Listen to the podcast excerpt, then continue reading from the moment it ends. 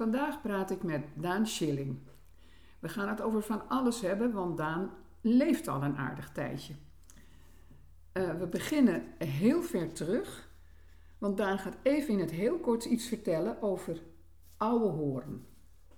Daan, wat je vertelde mij over hè, hoe oude horen, wat daarmee gebeurd is. Nou, op een gegeven moment, eh, toen Den Horen was er nog niet, dat, dat was oude horen en daar was de nederzetting van vissers en misschien al wel wat van boeren. Maar op een gegeven moment, en dat is nu, want we hebben dat 600 jaar geleden herdacht, toen hebben de Friese, en ik las later dat het ook de Hoekse en de Kabeljauwse twisten waren in die tijd, en die hebben het dorp geplunderd en in de brand gestoken. Dat hebben we daar herdacht in oude horen met een groot vuur. Oude hutten werden in de brand gestoken. En toen zijn de Horenders die daar woonden in Oude Horen, die zijn gevlucht en zijn hoger opgegaan en zijn naar het klif gegaan. Dat, dat heette toen het Klijf? Dat heette het Klijf, maar ik denk dat dat de verbastering is van, van klif. Ja, dat zou natuurlijk heel goed kunnen. Ja. Nou, en daar hebben ze al een tijdje gewoond, maar later, naderhand, zijn ze afgezakt naar het huidige dorp Den Horen. En dat kwam dichter bij zee te liggen. En toen woonden ze eigenlijk weer aan, aan de rand van, het, van de zee. In Oude daar leefden ze toen ook in, aan de rand van de zee. Want toen was het Nieuwlander polder, hè, die, die waren er nog niet. Dus toen stond daar eigenlijk de zee stond aan de voet van hun dorp. Ja, ja. Ik heb het niet gezien. Maar. Nee, nee, maar dat is eventjes om eventjes aan te stippen hoe hè, ooit Den Horen zoals het nu is ontstaan is. Ja. want dat was natuurlijk niet helemaal precies zo. Nou, dat is even een klein uitstapje, omdat dat toch wel aardig is om te vermelden. Maar dan gaan we toch 600 eh, jaar verder. En uh, Daan, vertel eens. Ik heb wel begrepen dat jij in 1939 naar Den Horen kwam. Misschien kan je daar iets over vertellen. Ja, dat is uh, in 39 en ik weet, weet de datum ook nog. Dat was drie dagen voor mijn verjaardag. Op 3 juni, 6 juni, werd ik drie. Dus dat is al een mooi tijdje geleden. Mijn vader kwam terug uit uh, West-Indië. Toen ging, hij was bij de mariniers en die gingen toen ook nog naar uh, West-Indië. Curaçao zat hij. En toen werd hij op de mok geplaatst. En nou, iedere dag heen en weer, want we woonden, ik woonde met moeder in Den Helder. En iedere dag heen en weer met het mokpootje, totdat er een huisje in de Noorden te huur kwam. Toen hebben ze dat gehuurd en zijn we daar neergestreken. En waar in Den Horen was dat? Dat is tegenover het, ja, het is eigenlijk midden in het, in het dorp. Toen naast de oude boerderij van Bremer en die is, ja, die is gesloopt. En nu staat daar de Witte Leeuw een, een uh, nieuw bouwhuis. Okay, en daarnaast ja. we. Herenstraat 24. Oké, ja. ja. Daar ben je, dat was in 1939. ja, toen Kwam, zijn jullie van Den Helder naar Den Hoorn gekomen. Ja. ja. Uh, we gaan het nog even hebben over hoe, hoe het dorp toen, hè, want de oude Hoornders zijn naar het, het Klijf of het Klifferhuis en had, deden toen uh, landbouw en ook wel visserij. Visserij. ja. En nou, om dan hè, die sprong weer te maken van 600 jaar, want dat vieren we tenslotte ook een beetje. um, wat, wat was er toen hoofdzakelijk de, de, de inkomsten van de Hoornders? Ja, toen, toen ik als, als kind hier in de Noorden kwam, was het echt een agrarisch dorp. Met, ik, ik heb dat later ik heb dat proberen een beetje na te gaan, maar ik telde zo heel gemakkelijk dat er toen meer dan 25 boeren waren in en rond de Noorden met veeteelt. Die hadden koeien, schapen, varkens en een paar paarden. Want trekkers waren er toen nog oh niet, dus alle boeren hadden ook een paar paarden. En het is zo wat ongelooflijk dat in die jaren hè, daarna, dat al die boeren uit het dorp verdwenen zijn. Het, het is nog wel, je kent nog best zien als je de diek inkomt, daar staat eigenlijk de ene oude boerderij na de andere boerderij. Ja, die kan allemaal, je nog wel zien, ja. Allemaal koeienboeren. En zelfs in de Herenstraat en in de Kerkstraat, waar nu de Hoeksteen staat, was een boerderij. op het hoekje waar, uh, waar Jaap Duinker nu zijn huis hebt, daar was een boerderij. Midden in de Horen, naast ons huis, aan weerszijden zaten twee boeren. Links een boerderij, rechts een boerderij.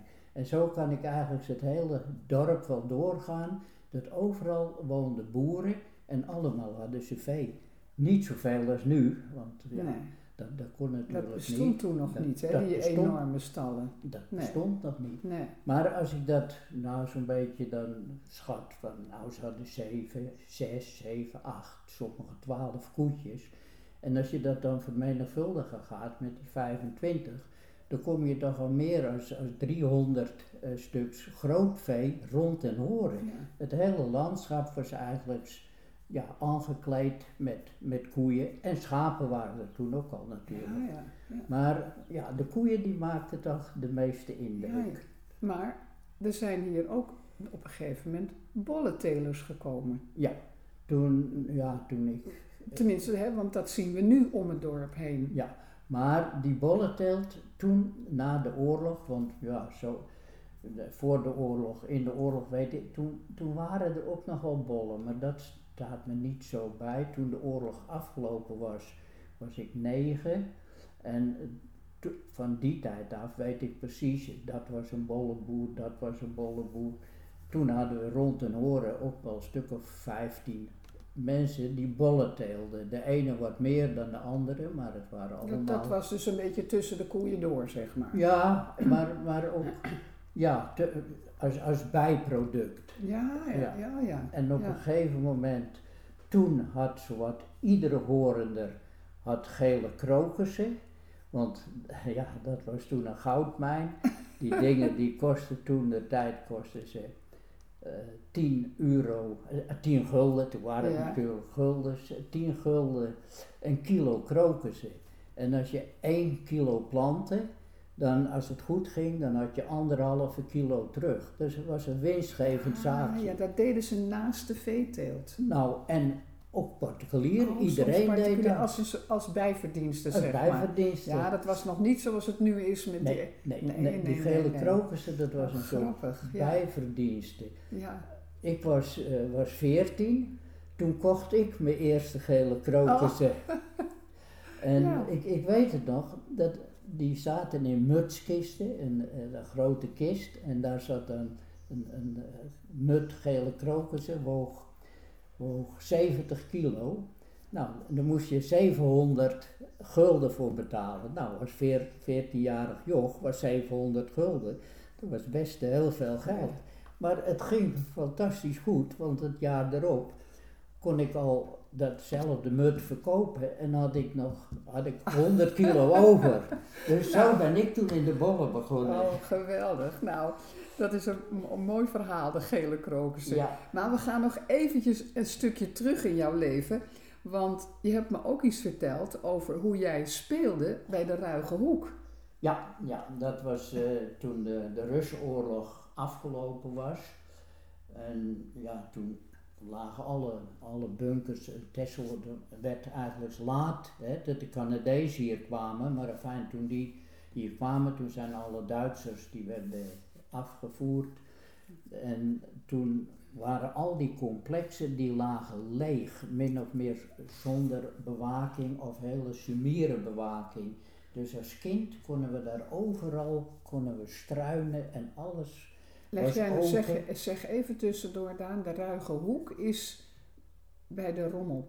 Uh, aan de Rommelpot. de, rommelpot, de, eh, de, Ruige Hoek, ja, toen in de tijd woonde daar uh, de familie Klumper, Neeltje en Frits Klumper. Frits is trouwens door de Duitsers in die Russenoorlog nog doodgeschoten, want die ja, die ging samen met de Russen, trok hij op en toen hebben ze hem gepakt en gefusilleerd en in de duinen begraven. Maar daar de Ruige Hoek, dat is uh, tegenover, schuin tegenover de Bonte Belevenis nu. En dan iets meer naar de Dennen toe en daar was ook een bunkercomplex. En daar speelden wij als, als kinderen, speelden we in en op die bunkers.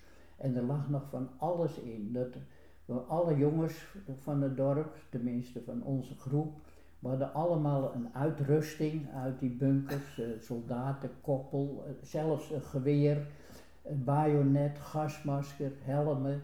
En dan, ik zie het nog voor me, moesten we marcheren uh, langs de Rommelpot, dat was toen nog een onverharde weg. En Willem Kikkert, de, ja, Kobus noemden we hem, Kobus, dat was de commandant. En uh, die liet ons marcheren in volle uitrusting. Dus jullie waren eigenlijk bijna een echt klein legertje? We waren een klein legertje met echte wapens, uh, onvoorstelbaar. En met hoeveel jongens waren jullie ongeveer? Nou, in een stuk of acht, negen, oh, ja. zo, zo'n ja, groepje. Ja, zo ja. mooi. Ja. Nou, dat moet wel ongelooflijk spannend geweest zijn. Ja, maar ja, het, het, ja het, het was eigenlijk, en ik snap nu nog niet dat onze ouders dat, uh, daar geen stokje voor staken. dat we daar overal dat je daar maar gewoon, ja. Ja. Ja, maar moet je nagaan. Ja, het was ook een andere tijd. Mensen waren misschien helemaal nog niet zo alert op al, al die zaken. Ja, Hè? Ik weet nee, het niet. nee. Grappig. Nou, Daan, we gaan verder in jouw uh, leven, want we waren natuurlijk al bij de gele krokussen. Maar dit was even een uitstapje. Dan gaan we, uh, we maken even een sprongetje verder naar, want uh, het beschermde dorpsgezicht. Dat verhaal is, dat speelt zich af terwijl jij wethouder was of nog daarvoor? Nee, dat het beschermd nee, dorpsgezicht nee, werd. Ja, goed, en maken we een flinke sprong Ja, van, van, Tenzij jij daar tussendoor nog. van, uh, van tien jaar af naar, uh, naar, naar de tijd dat ik in, uh, in de gemeentepolitiek terechtgekomen Ja, ben. als jij nog iets kan vertellen Nou. daartussen, dan is het ook goed. Nou, over die gemeentepolitiek, daar zou ik dan dit nog van willen vertellen. Ik was, uh, nou, ik denk, ja, ik was nog geen veertig. En toen was er een bijeenkomst uh, van het college in Den Horen. En toen kwamen ze vertellen dat uh, Den Horen kreeg Plan Zuid, een uitbreiding.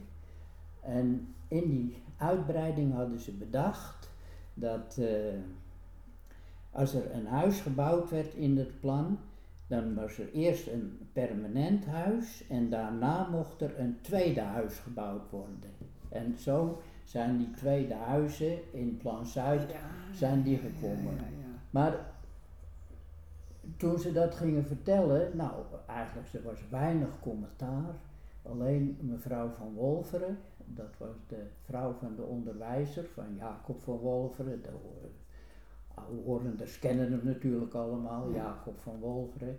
En mevrouw van Wolveren en ik sprongen tegen de ketting. En ik vroeg letterlijk toen aan het college als ze van de ratten besnuffeld waren. Nou, dat sloeg er wel in als een bom. Want ik zeg, dat haalt de ziel uit je dorp. Maar de Horenders die reageerden eigenlijk heel lauw en lieten het over zich heen komen. En een paar dagen daarna kwam er een uh, oud een gemeenteraadslid, dat was toen wethouder, Cor Dros, Horenders en Tesla's kennen hem allemaal. Een legendarische figuur op het eiland. En die zegt, je was het niet erg eens met uh, dat college. Nee, ik zeg, ze zijn besodemieterd om dat zo te doen. Hij zegt, weet je wat jij moet doen? Je moet zelf in die raad gaan zitten. Dan kan je daartegen ageren, alles wat je niet aanstaat. Nou, zo geschieden.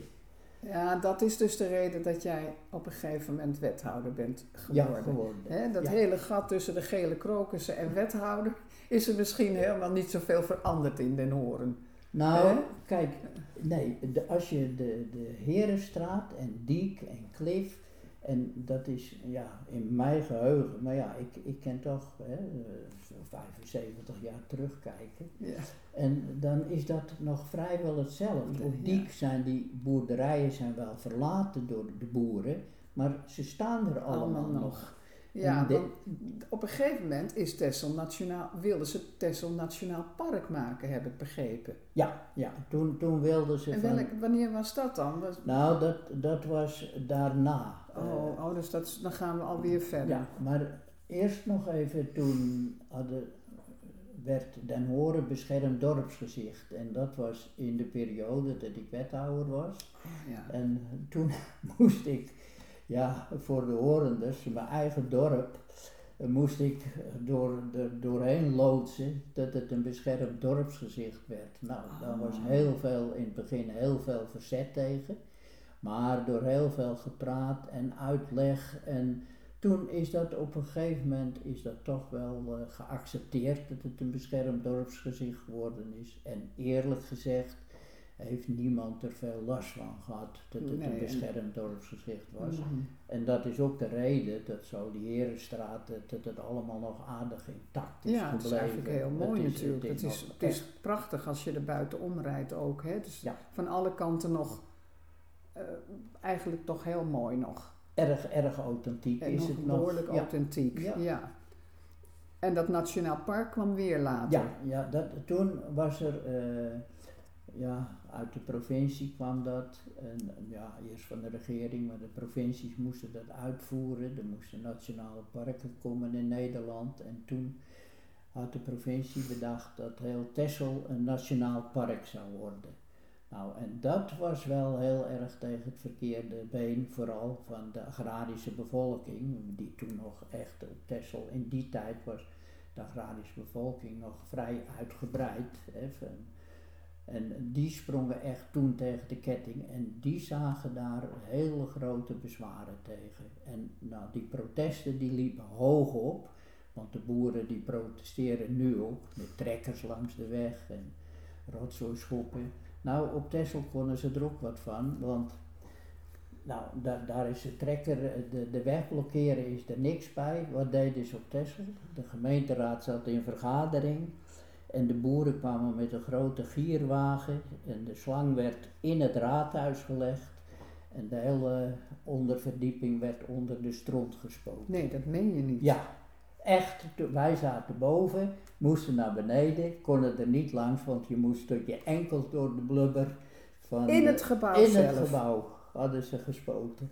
Mijn hemel zeg. Ja, ja zo, zo fel waren toen die protesten. Nou, toen is dat, Ik zal me niet vragen hoe jullie dat er allemaal uitgekregen hebben.